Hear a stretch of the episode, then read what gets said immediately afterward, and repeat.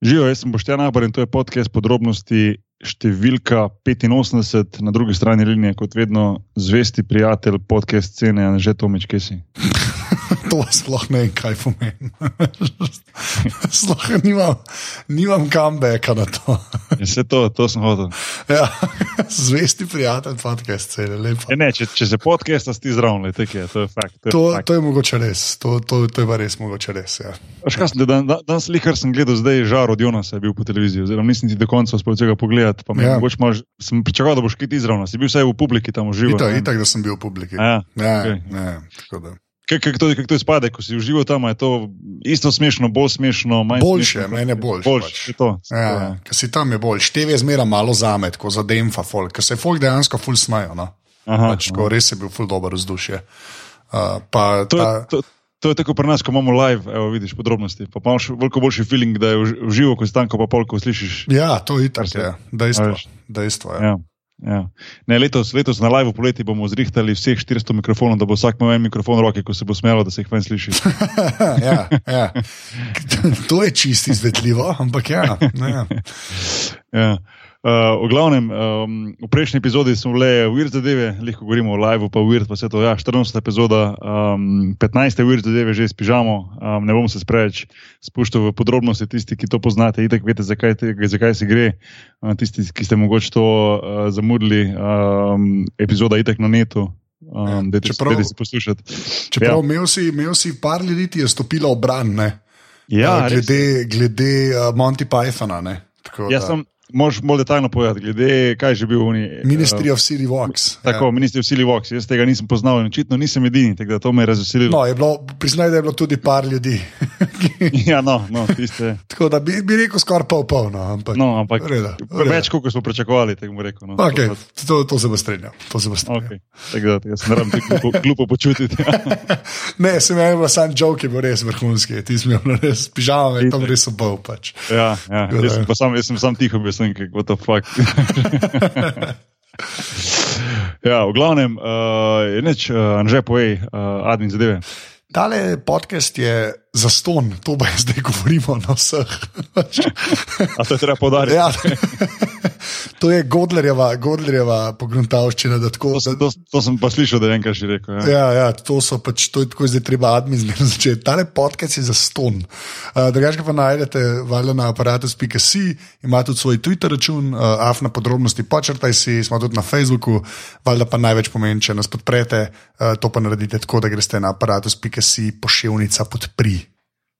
Tako, to je to. Uh, v mojem mestu hvala vsem, ki poslušate in delite naprej besedo o, o mreži Apparatus. Um, danes pa um, normalno basket tema, um, normalno rečem zato, ker zdaj je, se odvija NBA finale in uh, se mi zdi, da je edino prav, da, da pokomentiramo to večkrat, ko se dogaja kakšni taki basket dogodki na začetku sezone, kakšni Euroleague Final Four ali pa NBA finale, vedno se združimo skupaj uh, in, in govorimo o basketu. Um, pa tudi na Twitterju je bilo kar nekaj ljudi, ki je reklo: Bote kaj govorili na to temo, a bote kaj povedali, sem kaj, ja, valjda se. Zato smo tu. da, uh, without further ado, um, z nami je Grega, zdaj že nekako redni komentator za baske zadeve. Um, nič, že še kaj smo pozabili? Ne, mislim, da je to to. Ok, pa pa štarte zadevo.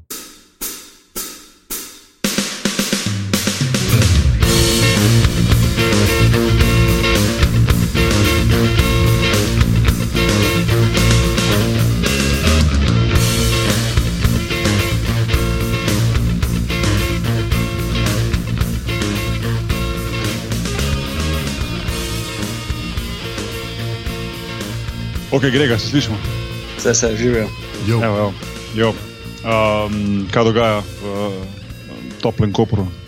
Vroče, vroče. In še enkrat, vroče. ja, zdaj se vsi počutimo, da smo vse videli. Ja, to je okay. končno. No, zdaj veš, kako kak je meni težko to videti. ja, Spara je že, uh, tako da v bistvu tam med, med eno deseto do povdne pa peto popoldne nimaš za nekaj doza početno, razen če se rad kuriš na soncu, pa uživaš v taki vročini. Bolj lovimo sence, pa hladne prostore, pol, pozno popoldne, pa že prijeten čas, malo za sprehode in podobno. Ja, če, bo, če bo le držalo, ko pridem domov, čez ne, ne 14 dni, če bo le še držalo. Ponaj se vedno zgodi, zato, ker jaz, ko jaz letim domov, pol je, uh, pol je slabo vreme. Lani se spomnim, sem bil domov, en teden je bilo dež, prvi teden sem sem rekel, pismo, ne priješ, priješ dež. Um, a ja, uh, zdaj, danes, ko komentiramo to NBA finale, je treba vedeti, da zdaj, ko je ta podcast zunaj, se pravi, mi zdaj to snemamo v nedeljo zvečer, se pravi, danes po noči bo druga tekma finala, prva je že bila odigrana. Um, tako da normalno izida. Je to glasno glede, nismo, da bi izid druge tekme že vedeli. Tako da uh, no. mogoče. No, no. malo kasneje, malo kasneje o tem. Točne številke ne vem, ja, nekako vemo, kam se lahko tekmica. da, ne bomo, da ne bomo vsi izpadli papki, pa jutri, ko bo Kliven zmagal za 20, da bomo mi mogli požreti svoje besede. Ampak, uh, ampak ja, no, pač toliko, da, da malo folk, folk ve, kdaj je to posneto, se pravi, nedela zvečer, danes po noči bo druga tekma.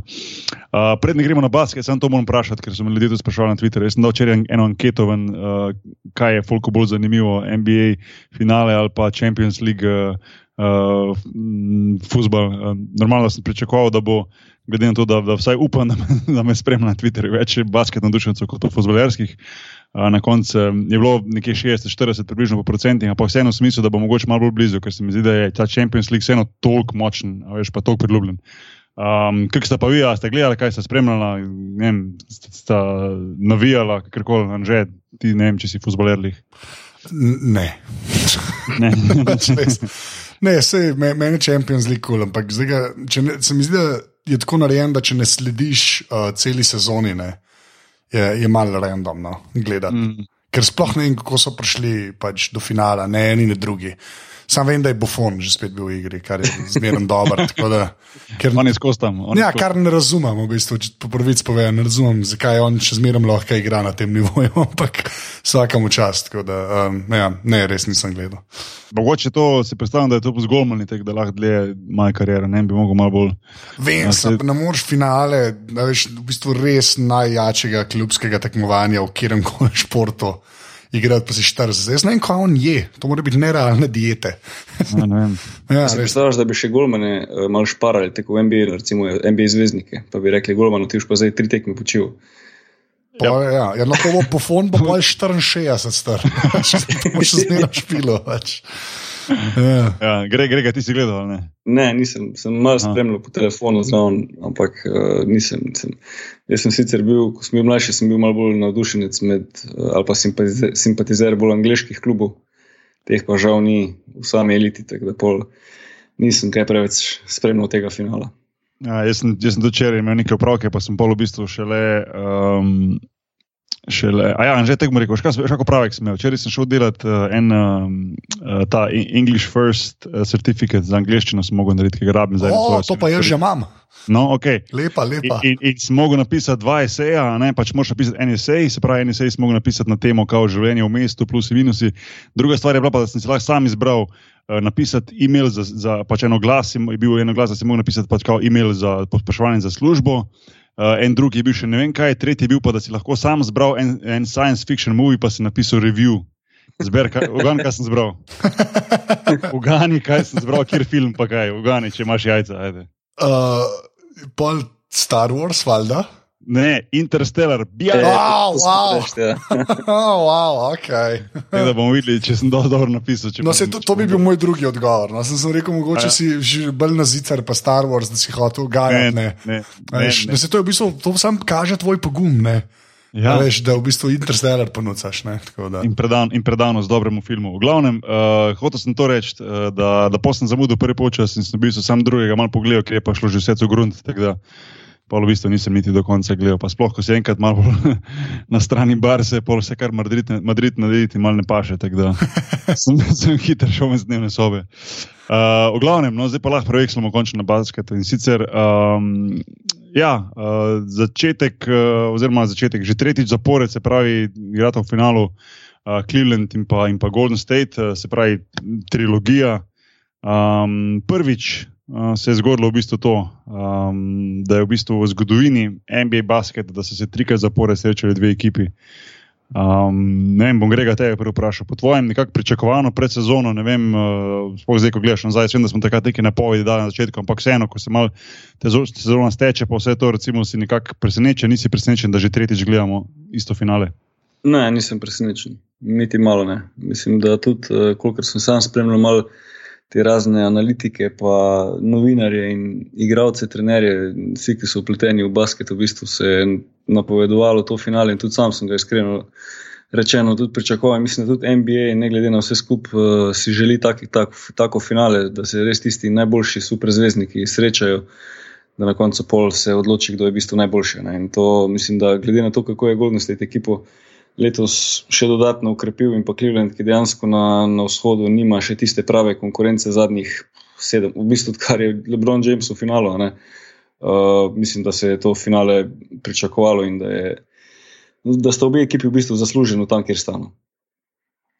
Ja, to, to sigurno. Vem, uh, meni je bilo predvsem zanimivo, recimo, dobro, za Golden State nekako ni bilo nekega vprašanja, ali bojo prišli ali ne. Mogoče so, so ljudje, a pa smo, recimo, mogoče malo upali, da bo San Antonijo lahko, uh, mogoče malo bolj resno nastopil, pa mogoče silo, kako šesto tekmo, ne vem, kaj takega. Uh, ampak recimo za Cleveland je bilo pa zanimivo to videti, da, da so nekako kruzali zadnji del, oziroma proti drugi del sezone, recimo tam nekje januar, februar, so šli zelo na izi, so imeli to sporazum zapored, nekako LeBron James in ti vodilni igralci so igrali manj minut, so počivali. Potem so proti koncu spet malo mal stopili na plin, na koncu končali drugi, ne na vzhodu. Zanimivo je, da res, te, ko se pogovarjaš s Folkom, pa ko gledaš malo te analize, oziroma poslušaš analitike, pa to, da nikoli ni bilo dobenega dobene bojazni, strani dobenega, da Cleveland tu če končal drugi, recimo pa to, da ne bi prišel do finala. Na koncu je zgodilo to. To se mi zdi, da so se tudi uh, v Clevelandu zavedali. Mislim, zavedali pač ja, dejstvo ja. je, da, da, da Golden State je imel, imel v bistvu zadnje tri sezone fenomenalne in z Durantom so, čeprav je bil Durant tudi večji del sezone poškodovan. So Warriors na zahodu odlično igrali in tudi San Antonijo, ki je imel vrhunsko sezono uh, za seboj, so, so uspeli ostati pred njimi. Ne? In na koncu mislim, da so tudi uh, pri Clevelandu se zavedali, da domačega terena preprosto ne bodo imeli. In to, so bili oni drugi, ali pa tudi če bi bili tretji na vzhodu, mislim, da to ne bi imelo nekega prevelikega vpliva, ker vseeno, ko pride playoff, ko te glavni igravci zaigrajo tako, kot je treba. Mislim, da so se oni zavedali tega, da, da lahko pride do finala, ne glede na to, na katerem mestu končajo na koncu playoffa. Nim je bolj pomembno to, da, da so probali čim lažje priti do, do samega finala, da so čim bolj spočiti. No, na kar se je na koncu pokazalo, da je bil Golden State, mislim, da tisti prvi, ki je čakal finalista. Ne. Ja, to je bilo uh, zanimivo. sem poslušal recimo, primerjave z Bostonom in to naredil takrat, ko je imel recimo Big Three, ne se pravi Garneta, Reelena pa, uh, pa Paul Pierce, da so oni tudi uh, imeli na koncu sezone, uh, se pravi, ne spomnim, kdo je bil potem prvi na shodu, ampak so imeli nekakšno možnost. Ali iti na polno do konca srednjega dela sezone, ne, pa mogoče riskirati, ne vem, ne morem reči, poškodb, ampak mogoče koga, da bi bil uh, bolj utrujen, mogoče da, da bi bil kakšna poškodba manjša, da bi, se, da bi trajala v playoff, da bi se vem, podaljšala v playoff in tako naprej.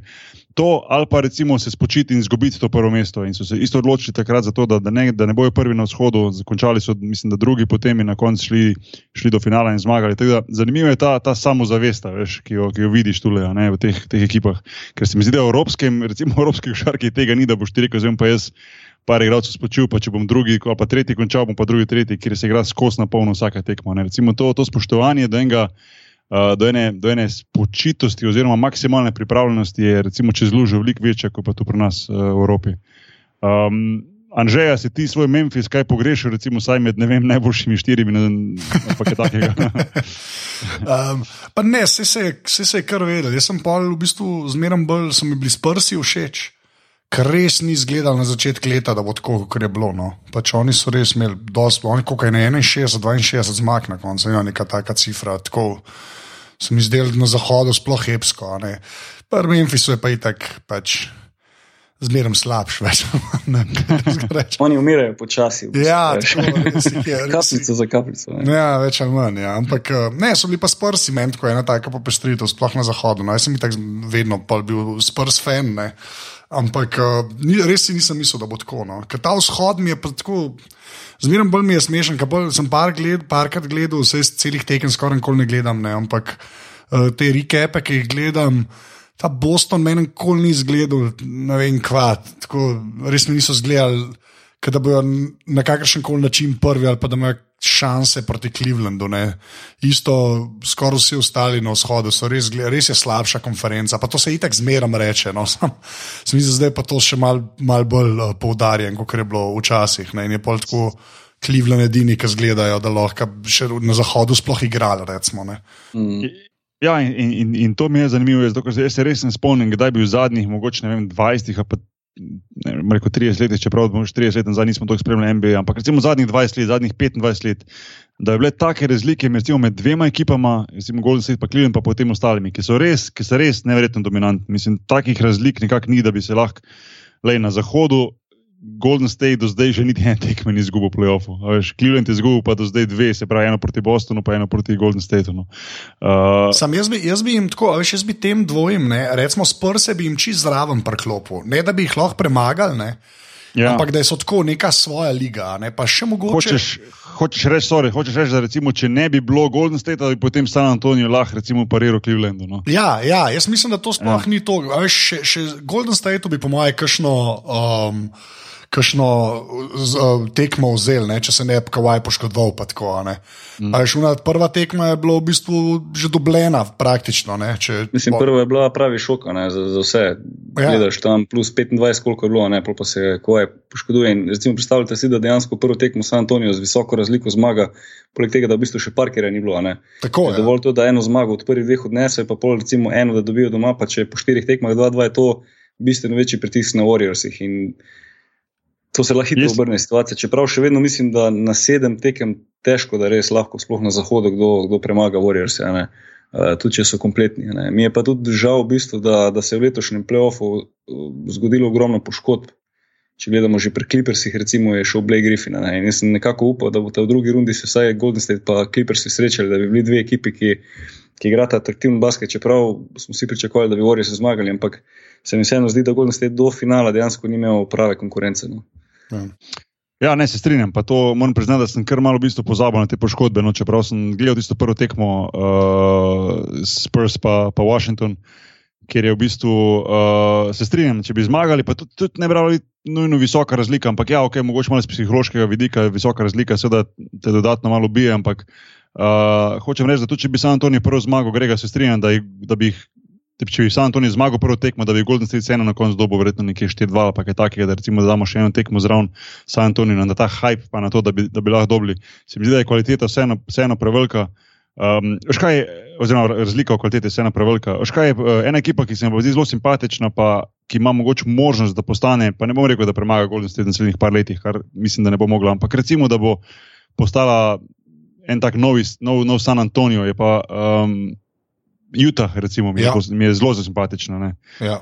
Zanimivo sestavljena ekipa, mladi igravci, veterani, um, vem, Gordon Hayward, ki nekako se, se, se, se je sprelevil v prav, pravo NBA zvezdo, pravega skorarja, pravega dominantnega igralca, um, lahko samo še napreduje, po mojem. Uh, potem vem, Rudy Guber, ki je postal pravi dominanten, uh, obrambni igralec pod košem, tak center, ki ga rabiš, ne vem, skače, blokira, zabija. Uh, neka ta, neka ta, bom rekel, podobno recimo, kot je Deandre Jordan, uh, mogoče ima potencial še mogoče malo večji.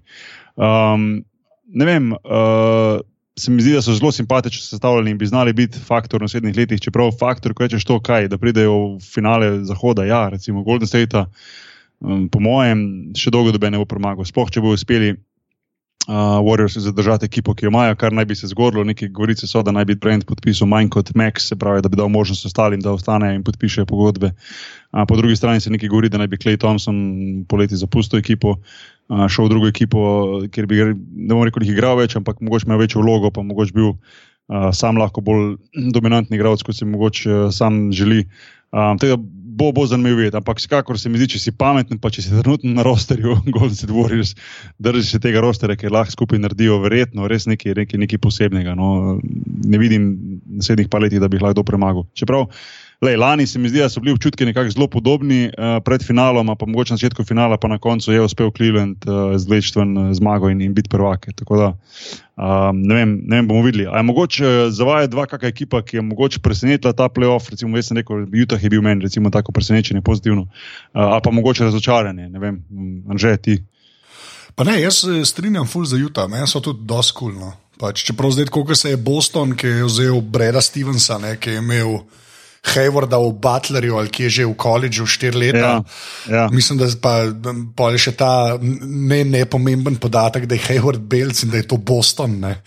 Ja, še Hayward je konec koncev, mislim, da Frejžen zdaj potesi. Ja, ja, oziroma, ja, ja, samo, tu je samo, interes samo, Bostona, da bi ga podpisal. Sigurno, samo Hayward je bil tudi v Utahu. stari. Vse vem, ampak je Utah, ja, ampak je Utah tudi ful manjši, manjši uh, klub, ne, oziroma kako naj rečem, uh, smaller market, kot. Boston. Ne, a veš, to, saj ti to dobro veš, kakšne so razlike, ne, tudi med ekipami. Ne. Nekje, če igraš, ne vem, za spodnjo kungoto ali pa za velenje, valjda je velenje večji, ne, recimo. Ampak Pava, pava, what's up?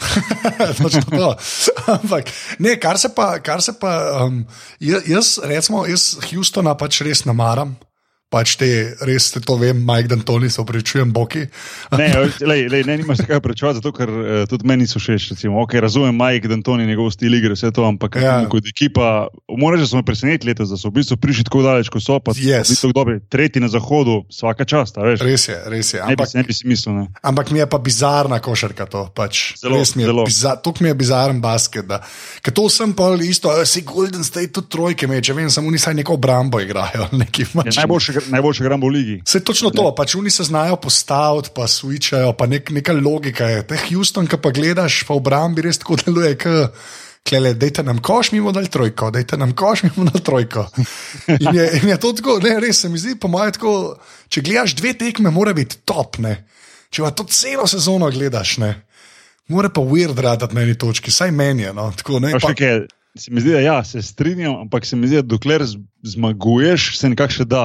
Ja, ok, dejstvo. A veš, dejstvo. Ampak, ja, ja, imel, enkrat- ampak tam je se točno to se je videlo. Sta imela dva slab dan, ne, uh, pa, pa so šli po gobe, več ali manj. Ja, adios. A veš, En, ne. en, en je Ja. Je pa, res, je pa res, da Harden, kar se mene tiče, je, je pa meni nezemljan, meni tako malce Kawhi Leonard, ne, kam sta ta, ki lahko preklopita v slow motion, kadar čtane. Jaz ne razumem, kako človeško telo lahko tako deluje, da je drugi Ja, korak v dvokoraku. Pač. Ja, meni, so bili, meni so bili vedno fascinantni taki igralci, ki so znali na tak način biti tako uspešni. Recimo, zdaj bom naredil eno primerjavo, pa mogoče bo rekel, ja, pa kaj delaš to primerjavo. Ampak recimo, lej, uh, ne bom rekel, da je Harden isti kot on, ampak recimo Sani Bečirovič. On, Ja, ja, tak- ja. on je imel to, veš. Ja, ja. On je imel Ja. ta nek tak počasen stil basketa, pa hiter korak, pa imel je feeling, kam stopiti, pa kam pogledati, pa kdaj vrš, kdaj podati. In to je bilo najtežje braniti, ja. Pa na koncu, ko gledaš kaseto ali pa ko ko gledaš tekmo, misliš, pa pismo, kh, veš, na, na kiroforo. Ja. Ampak taki igralci s- imajo imajo ta, imajo ta dodatni šmek in jaz se strinjam, recimo, Harden je en tak igralec, rečeš, pa kje on prije tam do koša, kako, Ja. zakaj je on obrambni kar obstal na mestu, veš. Točno to je. Ja, ja. Ko on tako da- res ja, tako nekako gre v nek slow motion in pa vsi tako, da malo zaspijo, pa pa stop en korak naprej, pa že mem. Jaz to sploh ne razumem, kako deluje. Pač, ampak Ja, ja. deluje več kot očitno. Ja, Sej, isto je Kawhi Leonard, ki tudi ga vidiš, ka- kakšno kontrolo nad telesom ima ta človek. To je on, po mojem, na milimetre šteje, dokam bo roko premaknil. Jaz ne vem, kaj počnejo. Mal kiča strata no, na enih točkah, te ljudje. Pač, tako. Ka, vem, če Dorenta gledaš, je kralj, ne, ampak on ima tako neke muve, pa meče, pa zadane. Nima mm. pa nič teh. Karkoli Harden počne v življenju, ker se jaz ne razumem, sploh ne znam razložiti. Ampak si dobro rekel, Bečirovič je bil dosti podobno fora. Ja. Ja, ja. Ja. Ja, ne, uh, vse do Dorento bomo mogoče pol mal, mal mogoče detajl, ampak sem to bi še rekel, preko smo za Ge- uh, Gordon Haywarda omenjali. Ja, jaz si ga ful predstavljam v Bostonu, pa bi si ful želel, da gre Boston, ker se mi zdi, da prav pasot. Ja, no. uh, pa preko sta, če se malo preselimo na vzhod, preko sta zamenjali, ko sta govorila o Bostonu. Ja, ni ekipa Grega, mislim, da si ti rekel, da, da, ki bi še lahko, recimo, ne, ma, si ti rekel, Anžel Grega, da bi lahko recimo resno prišel do finala, pa kaj naredila, ampak se mi zdi, da imajo pa zanimivo bazo. Oni so zelo v poziciji, kar se tiče draftov. Ja. Letos imajo let, prvi mm. draft pick. Uh, po, drugi, po drugi strani uh, je zelo zanimivo, kaj bo s tem draft pickom naredili, ker glede na to, da je pač prvi ta uh, Falc, uh, se pravi, on je nekako mm, naj bi bil prvi pik in najboljši igralec na. Uh, na, na draftu in je pa pleja, ne, se pravi, nekako beke že imajo, mogoče Avery Bradley, ne vem, Zeh Thomas. Um, in kaj bo naredili s tem pikom? Ali bo naredili mogoče kak trade, ali bo kak signing trade varianta, ne vem, nekaj so menija Butlerja iz Chicaga, ali lahko tukaj ne vem, naredijo z Gordonom Haywardom. Um, se pravi, so v zelo, zelo dobri poziciji, da bi mogoče lahko, recimo, spošči Cleveland letos finalu zgubi in da se mogoče pri Clevelandu kakšna manjša sprememba zgodi, a, da bi lahko začeli mogoče ogrožati resne Cleveland na vzhodu. Teda to se mi zdi tako zanimiva, zanimiva opcija in so v veliko boljši poziciji kot pa katera kot druga, recimo, ekipa na vzhodu. Recimo Toronto je ogromno denarja potrošil letos, da so, pre, da so se malo pojačali, da so rekli, da letos so pa pravi, da bojo vrgli iz prestola Cleveland. Pripravljali Sergej Bako, pa PJ Tucker je dva, ne vem, uno, veš, kao defenderja, pa to gremo na polno. Um, ampak na koncu je Cleveland, Cleveland pometel. Um, se pravi, ne vidim druge, dobene druge ekipe, mogoče Boston, mogoče Utah, recimo nekaj dve ekipi, ki bi se lahko nekako sestavili. Pa dobro, San Antonijo bo tu vedno nekako nevaren, se mi zdi, ker ima eno tako filozofijo kluba, ki, ki vedno deluje in ki dela na pravi način. Um, imate še kaj mogoče za, za playoff do finala, kaj za, za dopolniti, ne vem, Grega? Pač v bistvu meni se zdi, da, da sploh v zadnjih letih, ne vem, zadnjih petih, šestih letih se dejansko dogaja to, da so, da so ekipe začele sestavljati svoj roster na tak, na tak način, da res probajo imeti že v prvi postavi ene tri, vsaj tri super zvezdnike. To, tega včasih, recimo, mislim, da ni bilo. Včasih je bil, so vse ekipe imele po enega, maksimalno dva, res taka vrhunska igralca. Zdaj pa vidiš, da dejansko ekipe, ki želijo biti pri samem vrhu, se naložijo z najboljšimi možnimi igralci na določenih pozicijah. In se mi zdi, da dokler bo imel Golden State tako jedro, kot ima zdaj, in pa Cleveland na vzhodu tako jedro, kot imajo z Lebronom, z Irvingom in pa Kevin Lovom, bo težko bilo, kjer je ekipa prišla zraven. In kadarkoli spremljam v off-seasonu razne take podpise, pogodb ali pa da kjer igralec preklopi kam drugam, pa vidiš, da so to neki roleplayeri ali pa mogoče malo, malo nadpoprečje, ampak še, ven, še vedno niso tisti res top-top igralci ne vidim, ne vidim ekip, ki bi, ki bi lahko konkurirali tem dvem ekipom. Res uh, se mi zdi, da dejansko morajo dobiti zdaj neko tako kombinacijo super zvezdnikov, ali Boston, ali mogoče Houston. In narediti tisto pravo kemijo, da bi na koncu res lahko v eni taki epic seriji premagali, recimo, Warriors na vzhodu ali pa zahodu. Ne. In uh, se mi zdi, da gre bolj ta trend v tej smeri, sploh s tem večjim salary capom, da se še več igralcev lahko uh, podpiše in da tudi tisti super zvezdniki, ki imajo že dodatne pogodbe z raznimi dodatnimi sponzorji, Nike, Adidas in tako naprej, potem res tisto manjšo cifro podpišejo v klubih, zato da lovijo tisti prsta.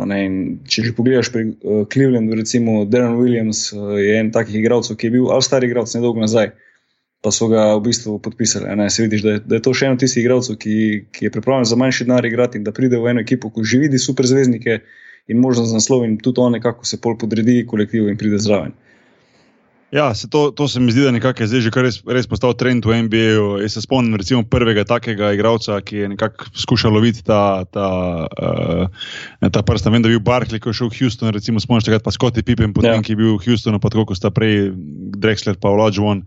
Uh, dobila potem pri, pri Lakersih, vem, da je bil recimo Gary Payton, pa Malone sta šla v Lakers, ker so skušali dobiti, uh, dobiti prstem, pa jim ni uspelo. Zad, se, se mi zdi, da te, te se kar dogaja, da se ti veterani lovijo te, uh, te, te variante. In tudi recimo pri, pri Warriorsih imajo recimo igralca kot je uh, David West, ki je že bil lani San Antoniju, pa mu ni uspelo, zdaj je prišel Golden State, upam, da mora ta dobiti ta prstem, ki ga nekako več kot očitno lovi. Uh, mislim, da je on enkrat, par let nazaj na Twitterju napisal, je I'm not a ring chaser.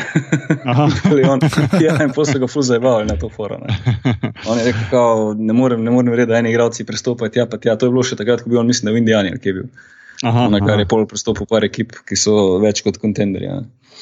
Ja, in to, za, to res za, za, za minimalne, za male pogodbe in več kot očitno za to, da pač uh, probajo dobiti ta prsten, ki igralcem res ogromno pomeni in čisto razumem, čist razumem, zakaj. Sploh, ko enkrat imajo v bistvu za sabo že neki sezon, pa ogromnih, m, ogromnih velike zaslužke, uh, si potem želijo na koncu res dobiti ta prsten, da nekako mogoče, ne vem. Uh, Tako rečeno, če je to solidify, veš, njihovo mhm. kariero. Ne, da reče, ta je pa bil vrhunski igralec 10-12 let, pa še prvak NBA. Ne, to ogromno pomeni, da nekako svoje ime še bolj utrdiš v, v, v zgodovino lige NBA.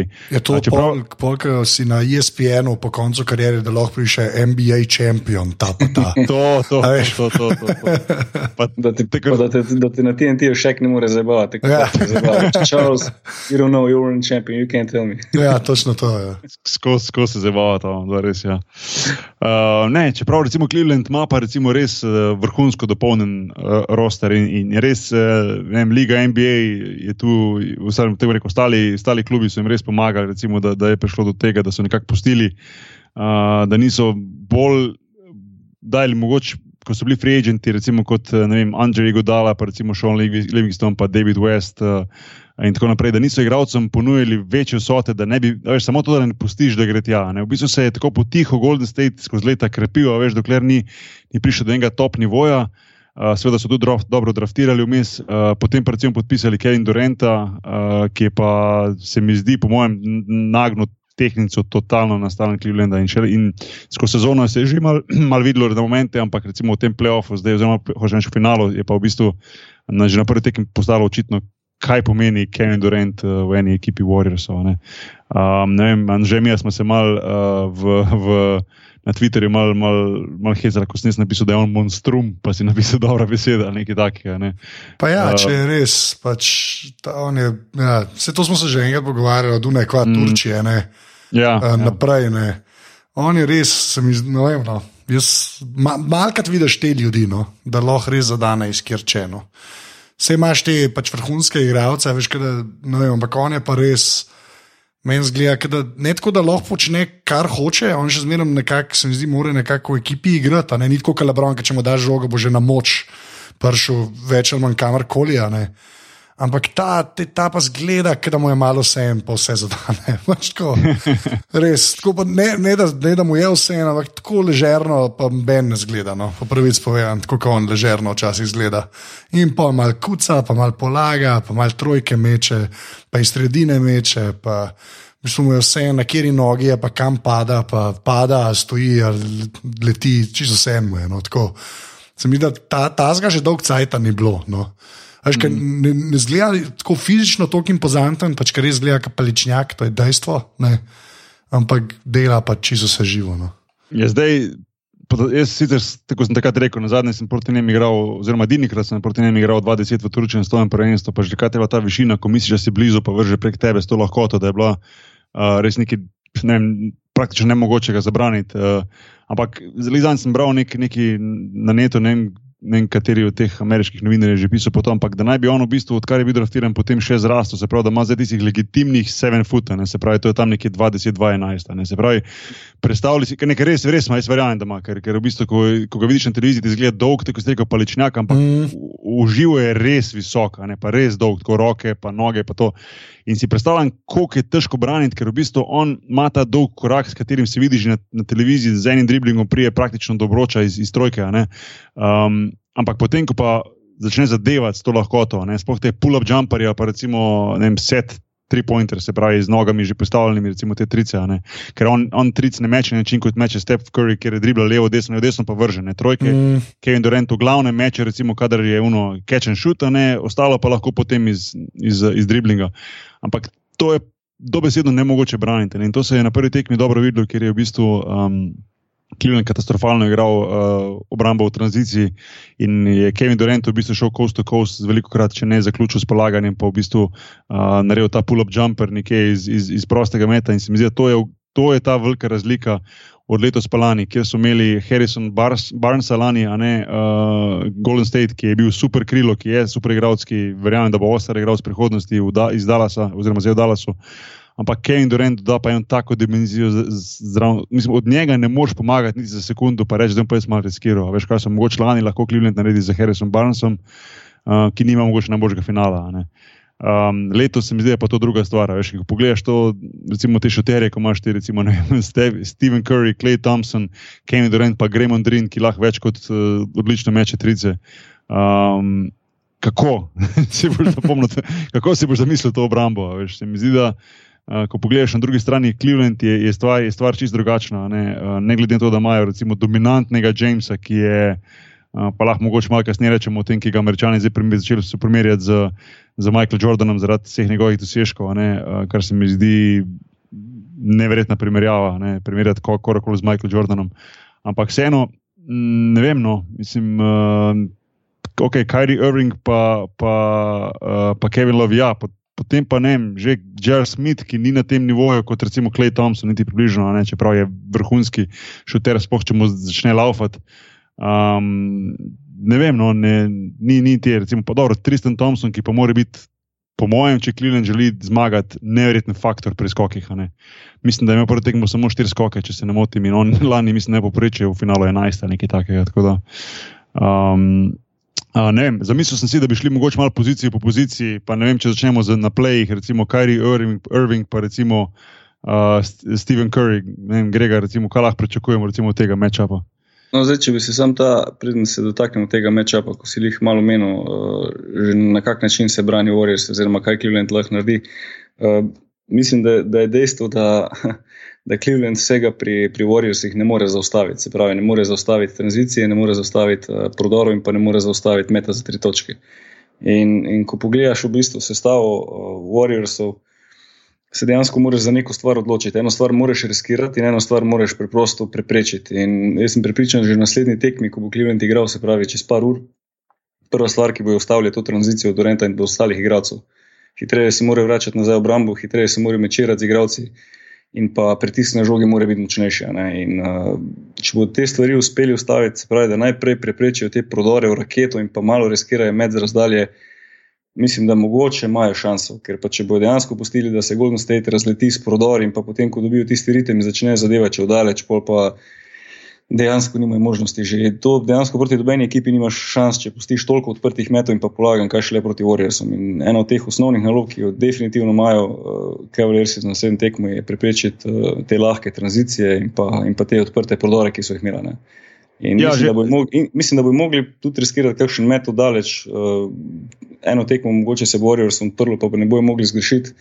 Ampak uh, prej ja, pre je ja. to lažje, kot pa da dejansko proba iti na agresiven close-out, se pravi, da agresivno prepreče vsak igralec med, ker je NBA igrišče toliko večje, toliko širše in ko imaš ti toliko dobrih šuterjev daleč, če si preagresiven na žogi, takoj ko obramba razpade, ko prebijajo prvo linijo, bo odprti met in če pride Golden State v ta ritem, bo imel Cleveland ogromne težave. Ja, no, se strinjam, sto procentno. Edina stvar, ki je mogoče tu še zadati, je to, zakaj so imeli uh, Warriors toliko lahkih, lahkih košov, oziroma toliko odprtih tranzicij, uh, zaradi slabega napada. Uh, Golden State je v bistvu proti koncu prvega počasa, pa začetku drugega, začel metati žoge stran eno za drugo, uh, pardon, Cleveland.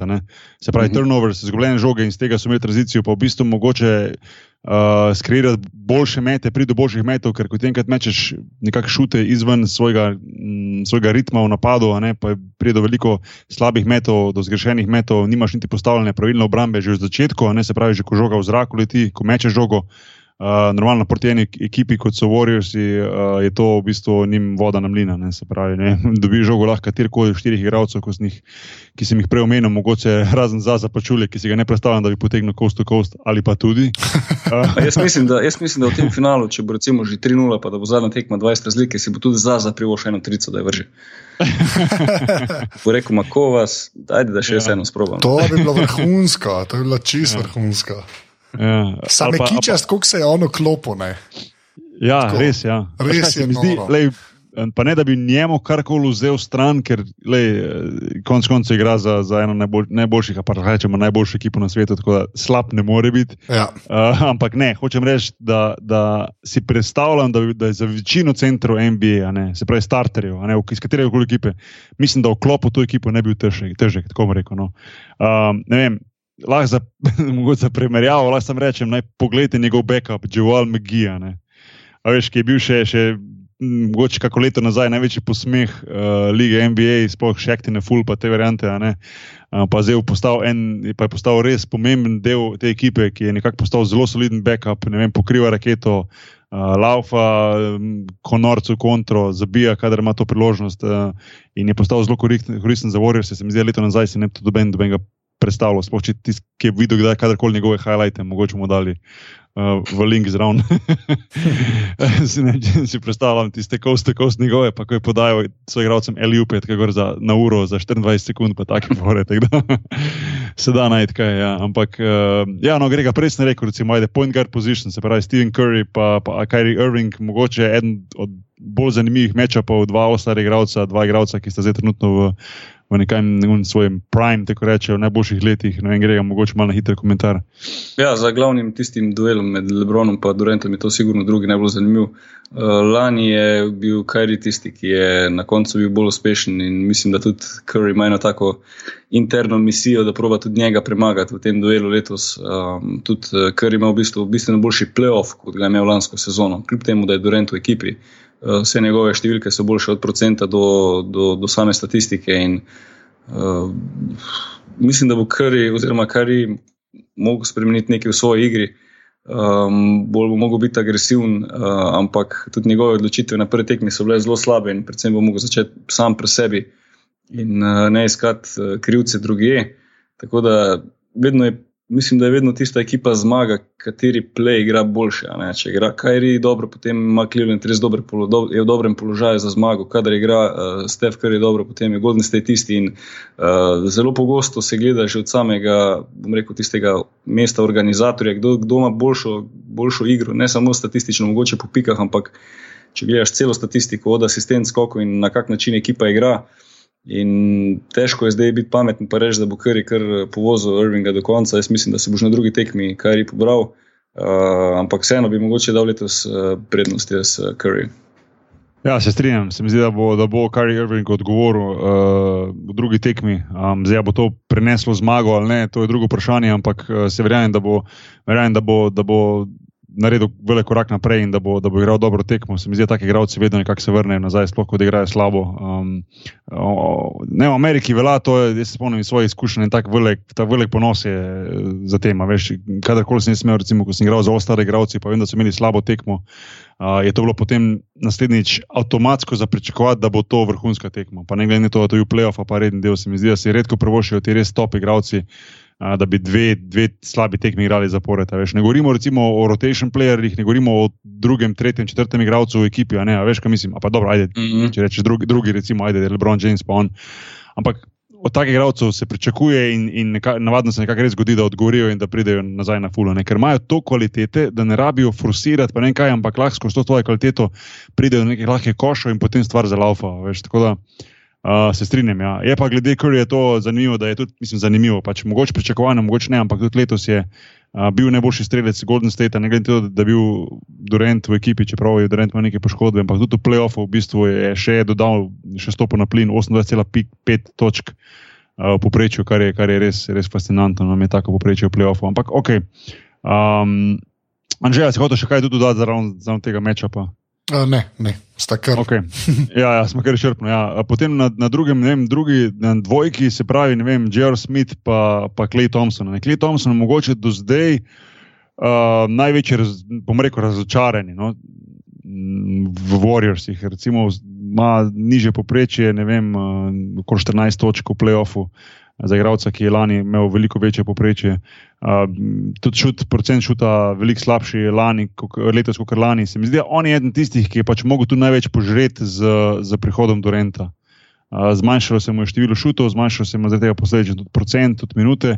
Uh, vseeno je starter, vseeno je sposoben dati uh, med noro tekmo. Mislim, da je dal letos kaj dal v 30 minutah 60 pik ali nekaj takega, kaj je bilo že na tekmo mm, noro. Uh, ampak vseeno skozi sezono mogoče ni bil tok, uh, mislim, mogoče sigurno ni bil tako konstanten kot lani. Uh, ampak vseeno nekako njemu, uh, njemu daš tisti plus, uh, ko ga primerjaš z Jerom Smithom, ki je pa res mogoče bolj igral, se enega navdiha, ki zna sicer zadeti 4, 5, 6 trojk v, v, v, eni, v eni četrtini, um, pre, pre, prevesi tehniko na stran uh, Clevelanda, ampak vseeno se mi zdi, da bi bolj zaupal Clay Thompson, ki poleg tega še igra zelo dobro obrambo. Jaz sem presenečen, da na momente, recimo, kriv LeBron James v prvi tekmi in igral zelo solidno na njemu. No.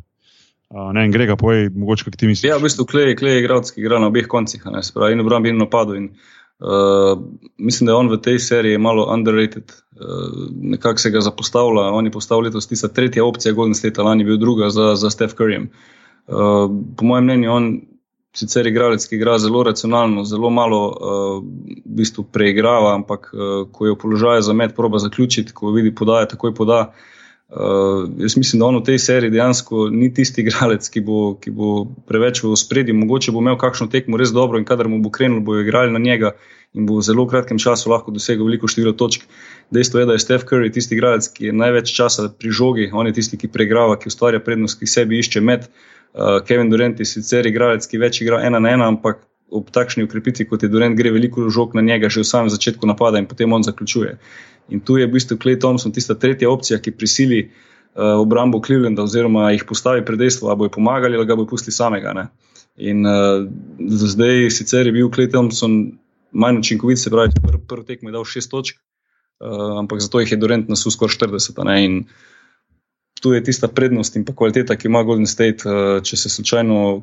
Kevler se je odločil, da bo mogli pomagati na Dorentu na naslednji tekmi, bo tu sigurno več prostora za Thompsona in če bo ujel svoj ritem, lahko on pride do 20 točk brez težav. Ja. Ja, se, je pa res, da veš, on v bistvu med sezono pa ni bil na neki slabšem, kot je bil prej, ne? zdaj je Dorent prišel, ne? kar se pik tiče, saj ne. Veš, ne, ni, tudi, ker tudi Golnosti tako hitro igrajo iz teh pozicij. Ja. Če si ti v položaju za met in tudi če recimo Thompson dobi na krilo že podajo v 5-6 sekundi napada, on lahko vrže kadar hoče ne, in nobenemu ne bo preprečil tega. In dejansko toliko žog, ko potrošijo Warriors, si tako hitro, ko igrajo svoje tranzicije in pa v napadu, je tudi dovolj prostora za njega in dovolj, dovolj ja. glumno v tem šutiranju. Tako da ja. Eh, ni, ni, ni bil prikrajšan. No, se to, ja, sej, zdaj sam pač klej v teh play, play-offih pač ni. Uh, ni to v spredju za enkrat. Ne, je pa tudi procent imel slab, se ni da ni igral, recimo, dosta, pa da ni šutiral. Ne, pač ja. Procent mu je padel in, in bi lahko bil tudi, recimo, samo poprečje točk večji, če bi recimo, imel malo boljši procent šuta, kar je mogoče se pričakovalo od njega in zato je mogoče v narekovajih razočaranje, da ni tukaj je bil, kar je pa meni čisto razumljivo, ker bi bilo pa nerealno pričakovati, da imaš ti Curry, ki ima poprečje 28, Dorent 25, pa še Clay Thompson, ki ima poprečje 23, to je bilo pa že čist preveč. No. Da imaš štiri igralce skupaj, ki ti imajo poprečno dajo 70, pa 75, pik, to je pa malo hudo. No. Veš, da, uh, ne vem. Um, potem pa mogoče najbolj zanimiv mečap, recimo, uh, saj sem spomnil, zdaj v dolgem času, recimo Lebron pa, pa Dorent. No, mi zdi, da je. Ne, jaz mislim, da je Zaza pa Thompson tisti, ki smo ga čakali. Ne, ne, ne. Ne, ne, ne, ne, tisto bomo, tisto bomo pol. Tisto je, Tisto je. Tam je kdo pobral več odpadkov, tisti zmagali. Tisto, tisto, tisto je drugo. Kdo, ja, kdo se dobo večkrat koga porinu pod košem, pa potisnu, pa zagrabo. Pa Ampak ja, uh, Durant pa, pa, pa James. Uh, uh, jaz ne vem, mislim, sploh, uh, sploh je začeti zelo zanimiv, zelo zanimiv matchup uh, na prvi tekmi, tudi na drugi, ko bom gledal, podrobno spremljam. Uh, Dorent se mu vidi, nekak, da ima ta neverjeten fokus, da, da, bo, da hoče vsem pokazati, zakaj je prišel Golden State, da hoče dobiti to, ta, ta prsten. Um, Nekaj sem bral en zanimivo, zanimivo komentar uh, o tem mečapu, da je v bistvu uh, Lebron oziroma Kevin Durant praktično celo svojo kariero nekako uh, sledil Jamesa, ne bil v njegovi senci. Veš, uh, ne, ja, neverjetni igralec, ostar igralec, ne vem, bil je MVP lige. Uh, uh, bil najboljši strelec lige, ampak vseeno bil nekako v senci Lebrona. Sploh če gledaš, recimo, krila zadnjih deset let v ligi, nedvomno boš prvo pomislil na Jamesa. Ne? In mogoče je zdaj to tisti trenutek, ko pa lahko prvič nekako uh, stopi v spredje Durant in da tudi on naj bi čutil to, to, to priložnost in naj bi dal vse od sebe, da izkoristi to in da, in da, in da naredi to, da naredi en korak pred njega, ne? da, da pride do prsta, da direktne meče pa pokaže, da je boljši od njega. Ne? Kar mu je treba priznati, da na prvi tekmi mu je nedvomno uspelo, ker je bil praktično nezaustavljiv. Ne? Um, kar se pa tiče Jamesa, pa lahko rečem samo to, da, da, da vem, da, da bo v bistvu šel do zadnje minute tega finala, pa bo to 4-0, pa 4-3, da bo šel na polni in da bo skušal s to svojo fizično dominanco, pa s to svojo željo po zmagi, v bistvu pripeljati pr, pr, Kilenu zmago. In, uh, um, vem, zelo, zelo zanimiv mečap. Grega, imaš kaj več za, za povedati? Ja, v bistvu tako si rekel. No, jaz mislim, da je Durant pred eno tako prelomnico v svoji karieri, ali, ali postane prvak, ali, ali bo še vedno lovil tisti, tisti naslov. Jaz mislim, da je pritisk pred tem finalom sigurno bil večji na Durantu kot na Jamesu. Uh, ker s tem, ko je on prestopil v Golden State, je bilo ogromno odziva na, na njegov prestop, na njegov na rekovajih karakter in tako naprej. In, uh, zdaj ima on tisto priložnost, da v tem finalu pokaže, zakaj je prišel sem, oziroma da upraviči to, da, da je on tista dodatna tež uh, na strani Golden State, da prevesi tehniko. Uh, vseeno pa se mi zdi, da tudi v primeru, da bi Durant uh, postal prvak in tudi če bi bil recimo MVP v finalu uh, proti Clevelandu on bi se približal Lebronu, ampak še vedno mislim, da niti približno ga ne more uh, dohiteti, kaj še le prehiteti, ker Lebron je, vsaj po mojem mnenju, vseeno tako vsestranski igralec in več, večino igralcev sem pripričan, ki, ki bi lahko zbirali ali bi igrali z Dorentom ali z Jamesom, se večina odloči za Jamesa, ker Lebron je tisti, ki ostali naredi boljše. Ne? In to je ena kvaliteta, ki jo on ima že skozi celo kariero in to, to ga tudi nekako potiska med tiste elitne igralce v zgodovini NBA. In, um, Lebron bo v bistvu probal za svojo vsestranskostjo pripeljati Cleveland do ta naslov, medtem ko je Durant tisti igralec, ki najbolj išče svojo igro napada, se pravi skozi pike. Čeprav je tudi zelo učinkovit v skokih in asistencah, ampak to je nekaj, kar pride tekom tekme zraven. Medtem ko Lebron je že v osnovi tak igralec, ki je zelo, ki je večdimenzionalen in, in, in ga je posota, ne? in je playmaker in je center in, in dela vse. In, Eh, jaz mislim, da to bistveno več energije vzame v Lebronu, že v samem finalu, kot pa v letu s Durentom.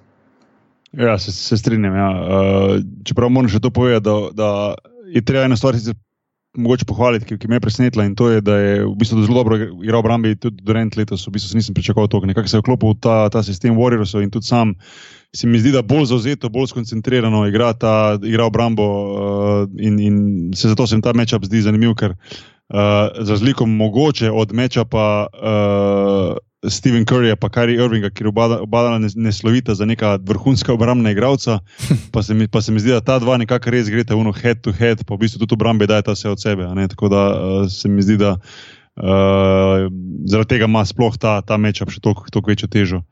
Um, zdaj, v zadnjem ne vem, če ste zasledili, v zadnjih tednih, mogoče lih pred začetkom finala, se je v Ameriki začelo ogromno govoriti recimo, o Jamesu, ki naj bi se nekako približal na nivo Jordana, oziroma ga nekako ameriški novinari dajo v bok Jordana, da če pa leto zmaga, ne, potem pa je že na tem nivoju, oziroma lahko celo prekosi Jordana v smislu, da um, da naj bi imel še slabše ekipo, ali pa recimo, spoh, ne govorim za letos, ampak tako nasplošno, ne slabše ekipe, mogoče, ali pa da je imel teže konkurenco kot Jordan ali pa ne vem karkoli, ne, in da je vseeno so svoje dominantne zelo, da se sprehaja skozi playoff in tako naprej. Uh, ne vem, kako vi gledate na to, ali je sploh možno kogarkoli, kadarkoli z Jordanom primerjati ali ne. Uh, meni se zdi ta, ta, ta primerjava zanimiva, ampak vseeno mogoče prehitra. Mislim, Jordan je vseeno uh, Um, šestkratni prvak lige, ne enkratni MVP, um, bil skozi z Bulsi, nekako ni. Um, se mi zdi, da ni imel toliko dominantnih igralcev s sabo, čeprav bo še rekel, ja, Scott Pippen, pa ne vem, uh, Michael Jordan, pa, uh, oziroma pa Tony Kukoč, pa ne vem, Denis Rodman so bili nekako svoj čas, nekako te ostar ali pa blizu ostari igralci. Uh, ampak vseeno, no, uh, se mi zdi, da je, da je Jordan le en korak naprej. Pa zdi se mi, da so mogoče, mogoče kar malo na Kobijo vmes pozabili, ki se mi zdi, da prvo je treba kogar s Kobijem primerjati, kogar ga prednji hočeš primerjati z Jordanom. Ne vem.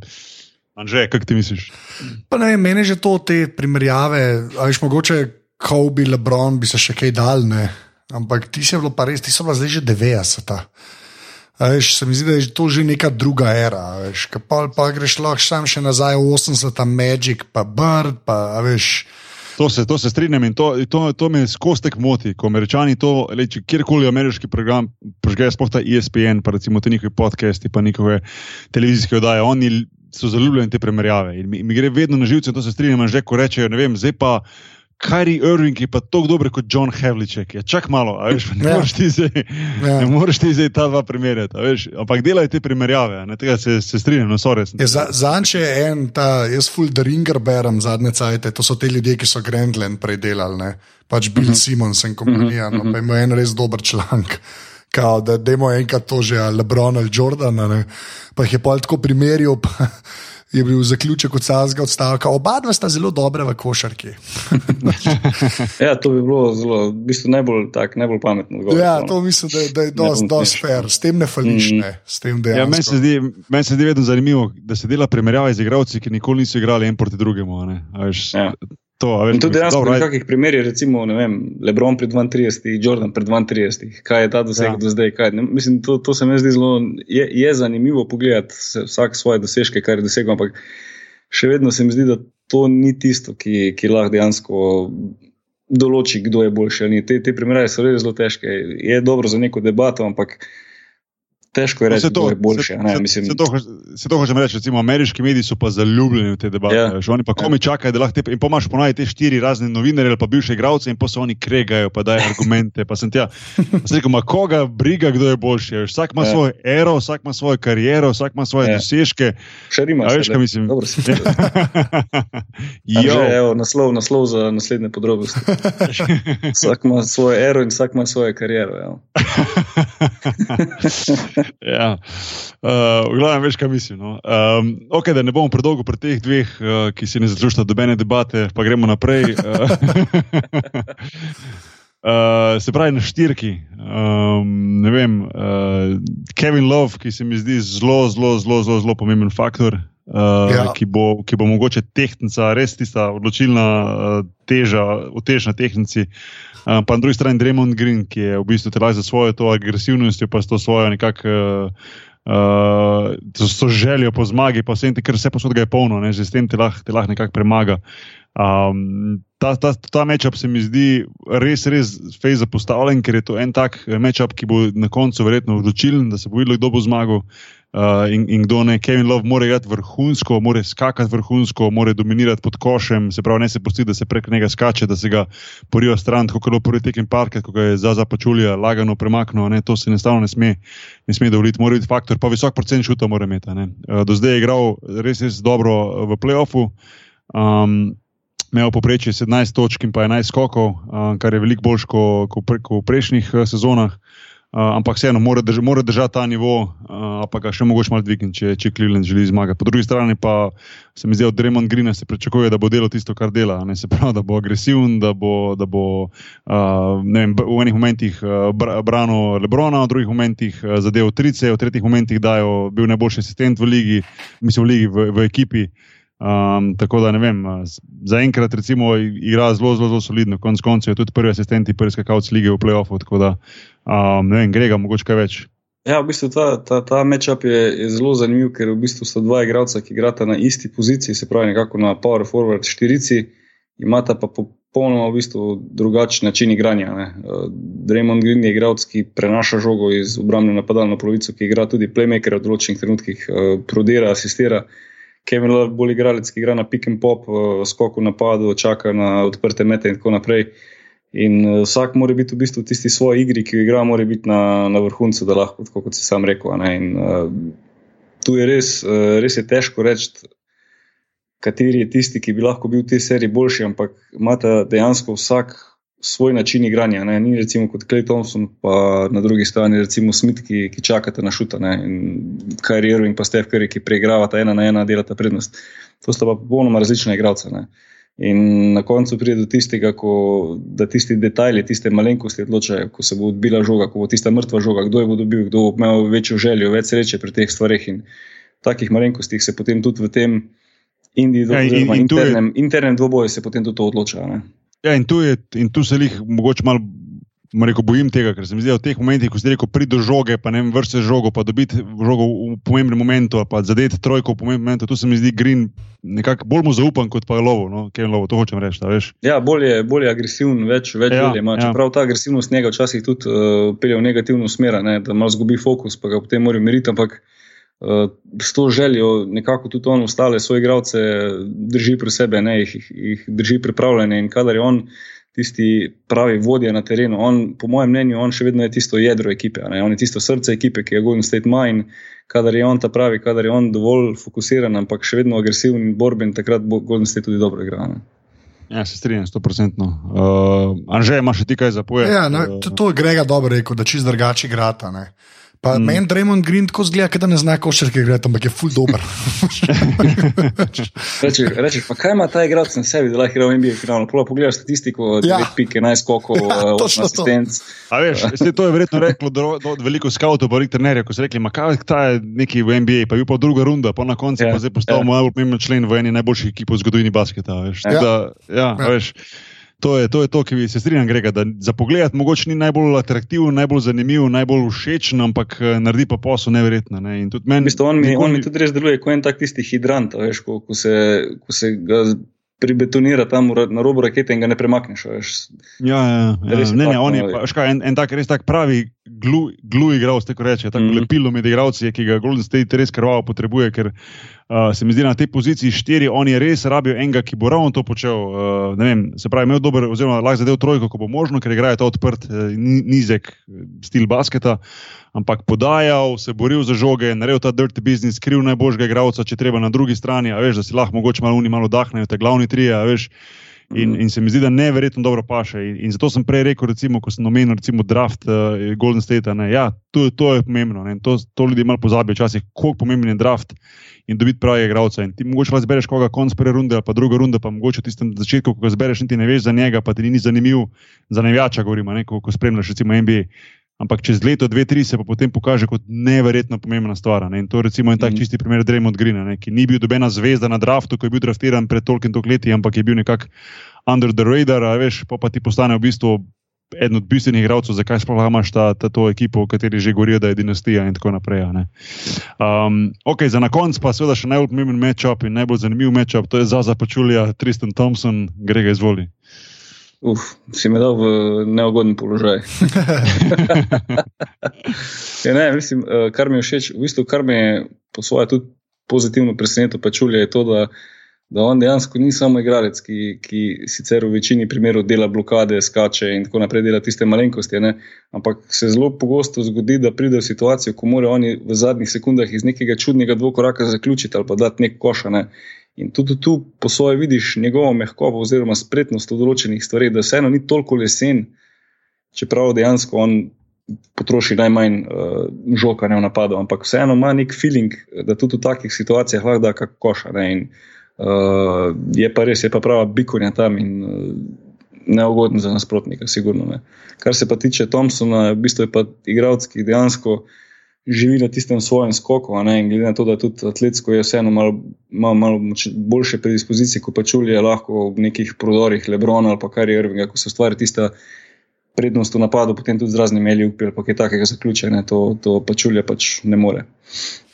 Ne, se strinjam, ja, ampak eh, tako sem prej rekel, Tristan Thompson bo mogel recimo tukaj v finalu res, res dominirati pod košem in eh, ne mislim tu dajati 30 pik, ampak skok mora biti njegov, pa ne toliko za obrambo, ampak v napadu mora narediti svoj posel, ker lani je bil on zelo velik faktor. Um, mislim, da je imel zadnji tekmo, ko so zmagali sedmo tekmo. Če se prav spomnim, da sem poslušal en podcast, da je imel 12 skokov uh, ali 14 skokov v zadnji tekmi, od mm. tega mislim, da je bilo njih 8 ali 9 napadov in, in tako naprej. Se pravi, mora biti ta, mora, mora, mora dati to, ker, ker tu ga Cleveland uh, zelo, zelo rabi. On je mogoče nekako to, kar ima, recimo, eh, kar se tiče te požrtovalnosti, pa tega, kar ima Golden State pri Dreamond Greenu, mogoče Cleveland v njemu. Ne? Se pravi, ta res nesebična požrtovalnost, skok, eh, borba, žar za vsako žogo in, in tu ga krvavo rabijo. Za započulje pa dela zelo, zelo, zelo dober posel. Nekako tako sem prej rekel, verjetno bi vsak center pasel v to ekipo, ampak vseeno za započulje se je zelo dobro vklopil. Um, mogoče mi prej tekmi bilo malo zanimivo, da se je da je bil sam presenečen, ko je bil parkrat uh, sam, um, ko je v bistvu dobo žogo pod košem, kadar, ko so odigrali obrambo pick and roll um, Cleveland in, in so mu so spustili žogo za zapačuli pod koš. On je, on je pa še namerno dal dvakrat, trikrat se mu zgodilo, da je dal dodatno asistenco še zraven. Pa sem si mislil, da je sorry, sam ti nisi, ne Draymond Green, ne Steph Curry, ne doben zaključi to žogo, veš, ko sploh ne bo treba. Ampak ja, mm. sem videl, da ima feeling, da, da ni, je zgleda tako tisto rukste, ko rečemo, veš, ampak ja. uh, se mi zdi, da, da, da ima ta, ta feeling, uh, da zna, da zna, predvsem pa da zna čitati igro, pa da razume igro in to je zelo pomembno za to ekipo.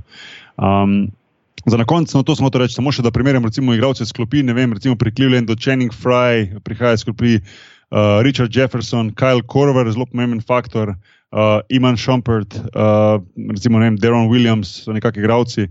Uh, pri Golden Stateu pa imaš igralce, recimo, letos se je zelo dobro razvil in pokazal kvalitete. Ian Clark, potem je recimo tule uh, Andrej Godala, zelo soliden veteran. Um, David West, še en veteran, Sean Livingston, ki se je razvil za zelo, zelo, zelo takega uh, solidnega, solidnega v smislu, da ne dela napak, da igra, dela tisto, kar more. Uh, Take solidne igralce smo po tisti njegovi brutalni poškodbi, ki jo je doživel v začetku kariere. Joel McGee, ki se je nekako prerodil v tej ekipi. Uh, če primerjate, mogoče malo klopi, uh, kako se vam zdi? Oh. Ful je smešen, zato ker oboje imajo glih dost veteranov, da lahko rečeš, da imajo veterane, ampak pol pri Warriorsih je pa več teh nekih random mladih ljudi. No. Se mi zdi, da Cleveland je res taka bila narejena ekipa ljudi, ki so že igrali in uh, znajo igrati, potem ko pač po moje Warriorsi tak zaradi keša so mogli tudi koga not potegniti. Ki mu ne vem, mhm. plačujejo v kokicah, ali ne vem, kako to deluje, potem vse reke. Ampak ja, ne vem, meni je ta, meni je magija v bistvu. Um, Um, me je tako malo ekstra presenetil, glede zaradi tega, ker se, se to je res, da je zraven teh ljudi težko biti kul, cool, ampak zatlačiti ga moraš pa vse eno. Pa, pa, ne vem, kar vidim, ne fali doskat, ne, se ne da mu zicerjev ne napedenajo, sam tudi to ni ta najlažja stvar, ever, ne, sploh na tem odru. Recimo, Zelo v prvi, v prvi tekmi je parkrat uh, kar lepo tam počel tisto, kar more početi. V obrambi stoji, pa roke dviguje, ki je pa napad, ki mu jo vržejo na dobroč, ima da je košne. Kar ja. tudi v NBA-ju ni zmeraj zicar pri teh ljudeh, ne? sploh tako ogromnih. Ne, ne in si, da... si to, to, ki si rekel, da je, da je najboljši, da mislim, da zelo dobro zadeva. Ja, v bistvu je playoff najboljši, najboljši po procentu šuta pri Golden Stateu, 73,6 procenta. Recimo drugi je potem šele, šele z, se, ponovadi so vedno to centri, da smo, da smo si najjasni, ker od najbolj ja. blizu mečejo. Ampak vseeno za playoff imeti 73,6 procent je izjemno visoko, recimo drugi tule je je Zaza Pačulja za 55,8, se pravi, že, že, že velika razlika. Medtem ko recimo pri, pri, uh, pri ekipi Clevelanda je pa, če gledamo samo, samo playoff, čak samo malo, da mi. Mal mi je, sem hotel pogledati primerjavo, ampak, ampak nema veze. No. Um, aha, Uh, pri, pri Clevelandu je pa recimo 57% Tristan Thompson, ne, najboljši strelec, ne. potem pa je Brown James za 55%. Se pravi, prid na 70% ni lahko, veš, za playoff. Mm, pa ja. ne glede na to, na to, kdo si pa kaj si. Ne, no, se je točno to. Ja. Ja. Če, no, uh, to sem hotel še preresti, uh, uh, Zaza Pačulja, ne, je za me kralj. Samo to. To sem samo okay. hotel dodati. Oni meni okay. res legenda, tako da pač, tako je življenje, gremo naprej. Ko, smo, ko, smo, ko sem igral, ko sem igral v Houstonu, sem igral z enim igralcem, ki je bilo ime Scott Paget. A ti se ga spomniš, že tega? Ja, ja on, on, on, on, je vedno, on je vedno, ko smo, vedno, vedno, ko smo igrali proti, proti ekipi, ker je bil Zaza Pačulja, pa ne sem spomnil, kje je takrat zadaj igral, mogoče Orlando, ki je bil pa vedno rekel: Look, it's Zaza Peculiar. tako da to, to nisem nikoli pozabil, ker je res peculiar, če je kaj. Um, tako ja, klop, klop, recimo, ne vem, tako pogledam te dve klopi, jaz bi, tako sem prej že rekel, za, za primerjavo Draymond Green in Kevin Love, nekako bolj zaupam klopi Clevelanda. No? Pa, pa si želim, jaz recimo, lej, meni nerodno povedati, jaz bi si želel, da Cleveland to zmaga, še enkrat. Ne?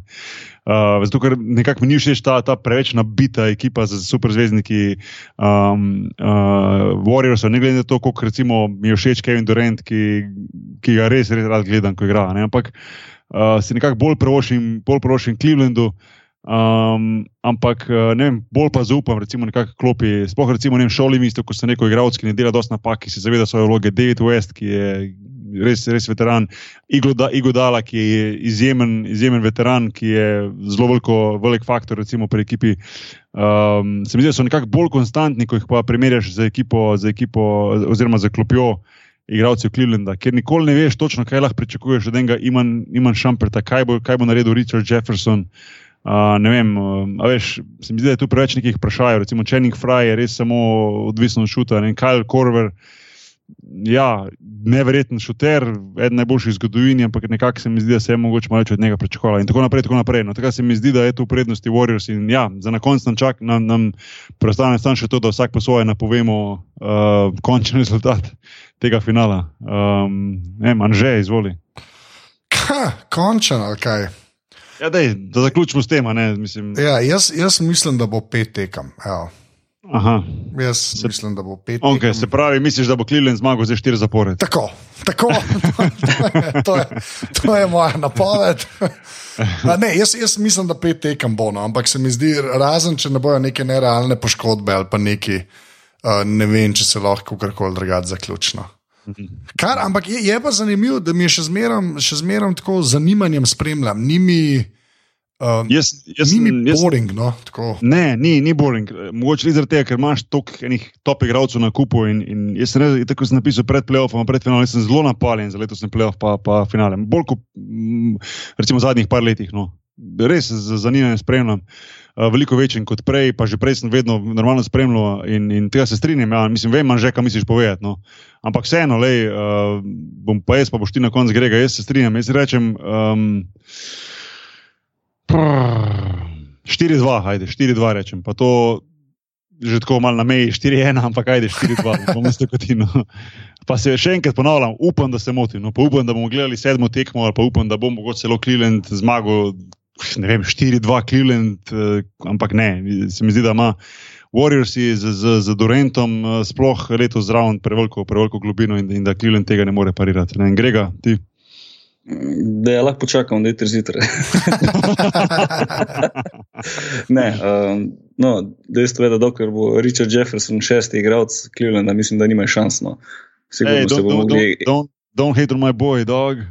ne, se, se je vsakam čast, le, mislim, keep getting them checks, bi rekli v Ameriki. Sam, uh, uh, ampak uh, bojo mogli se ostali zbuditi na sploh klop Clevelanda.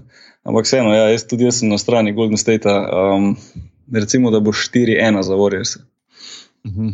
Se mi zdi, da je večina nekako. Uh, Večina nekako daje, da je ta, ta. Pa nisem zdaj videl druge napovedi, druge napovedi. Večina ima to, imaš to ja. Ja, ampak ja. ogromno, ogromno tudi vpliva uh, razpored tekem. Včasih je bil format 2-3-2, zdaj je 2-2-1-1-1. Ja. Tudi to, tudi ja. to ogromno vpliva, ker je tista šesta tekma, recimo v Gosteh, pa pol sedma doma, včasih si imel pa ti že zadnji dve tekmi doma in to je, tudi to sigurno vpliva na, na samo serijo. Ja, Če je ja. Golden State uspe, recimo, zdaj dva, dva nič povesti v teh prvih dveh tekmah, pa da potem v naslednjih dveh dobi eno. Ne? Zdaj upam, da se ne bojo pol spet rekli, o lani je bilo tri ena, da ne bo to udarilo noter. Ne? Ampak imaš potem tisto peto tekmo doma za zaključiti. In to je velika prednost, ki recimo prej niso imeli. 2-3-2 je bilo vsekakor, vsaj po moje, mogoče celo prednost tistih ekip, ki so imeli tri tekme doma zapored. Um, zdaj pa je drugače. Ne? Se strinjam. Ja. Um, okay, se pravi, skupno smo, smo rekli 12-3. ja, 12, 3 pa pol, ker ti si rekel med 2 pa 1. Okay, okay. Ja, okay, to je resno. Okay. Uh, pravi, pa rečemo 4. Recimo, če bi igrali do 12 zmag, se pravi, bilo 12-4 na koncu. Okay. A si predstavljaš finale na 12 zmag? Teh 4 mesece bi igrali. Ko oni, ko igrajo, kaj že igrajo, ta uh, kriket, kaj se igra. Ko, ko pogledaš na CNN, na CNN, na koncu pa rezultat kaže 296 proti 352. Pa zdaj, kaj je to, kje je to šport? Pa, kje, kje imajo snooker, imaš na koliko zmag že tam isto. Ja, ja, ja, to, so, to so športi, to so te eksotični športi.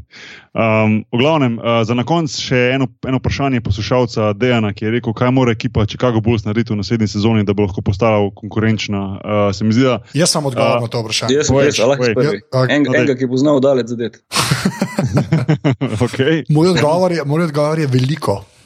Aha. Veliko, no, veliko. Evo, le, se, strinjam, se strinjam z obema. No. Uh, če gremo malo po vrsti, prvo se morajo odločiti, kaj bodo naredili z, z Jimmy Butlerjem, um, ali bo ostal v ekipi in ga podpisati za nadaljši rok, ali ga končno traditi, ker se o njegovem tradu že, že, že predolgo govori.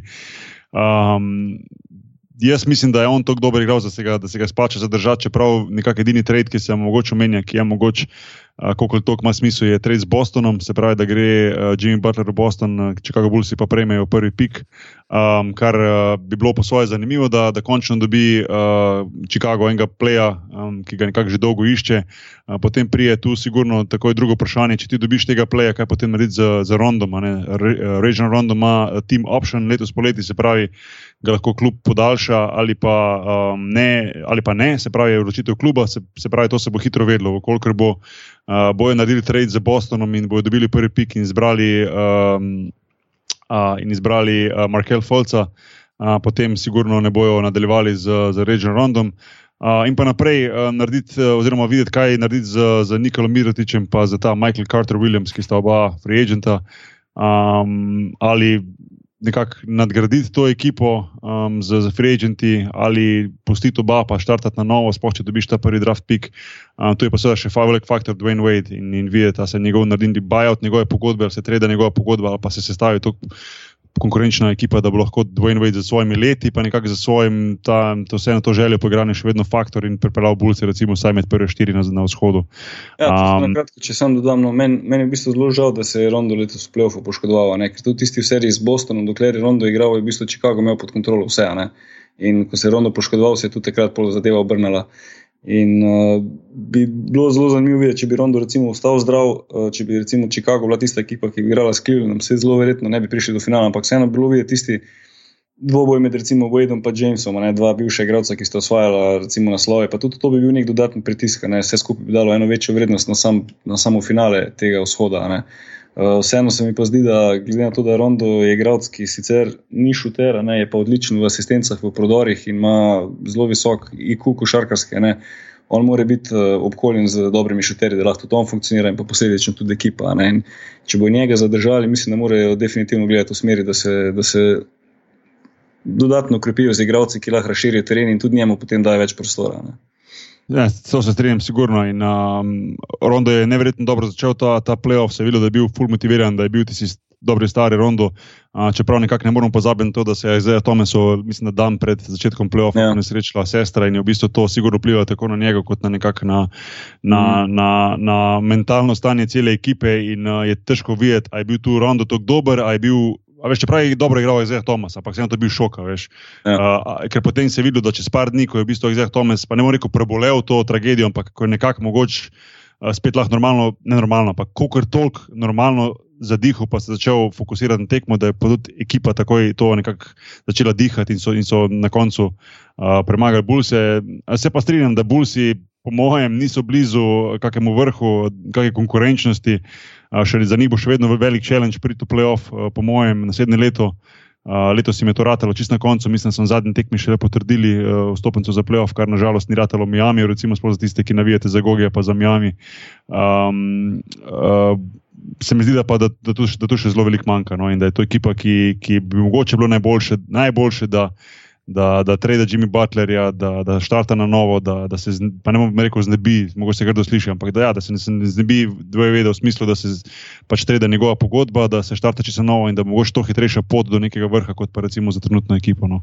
Um, to, med samo sezono je bilo ogromno nesoglasij med Butlerjem in Hojbergom in to se že par sezon vleče. In tudi očitno ja, tako ja, ja. med tem igravci, glavnim igravcem in trenerjem deluje. In pogosto se dogaja, da če glavni igralec ni zadovoljen, najprej gre trenera. Ne? Oziroma, trenerje zaenkrat še niso zamenjali, zdaj je odvisno, kaj se bodo tudi odločili pri Bulsih.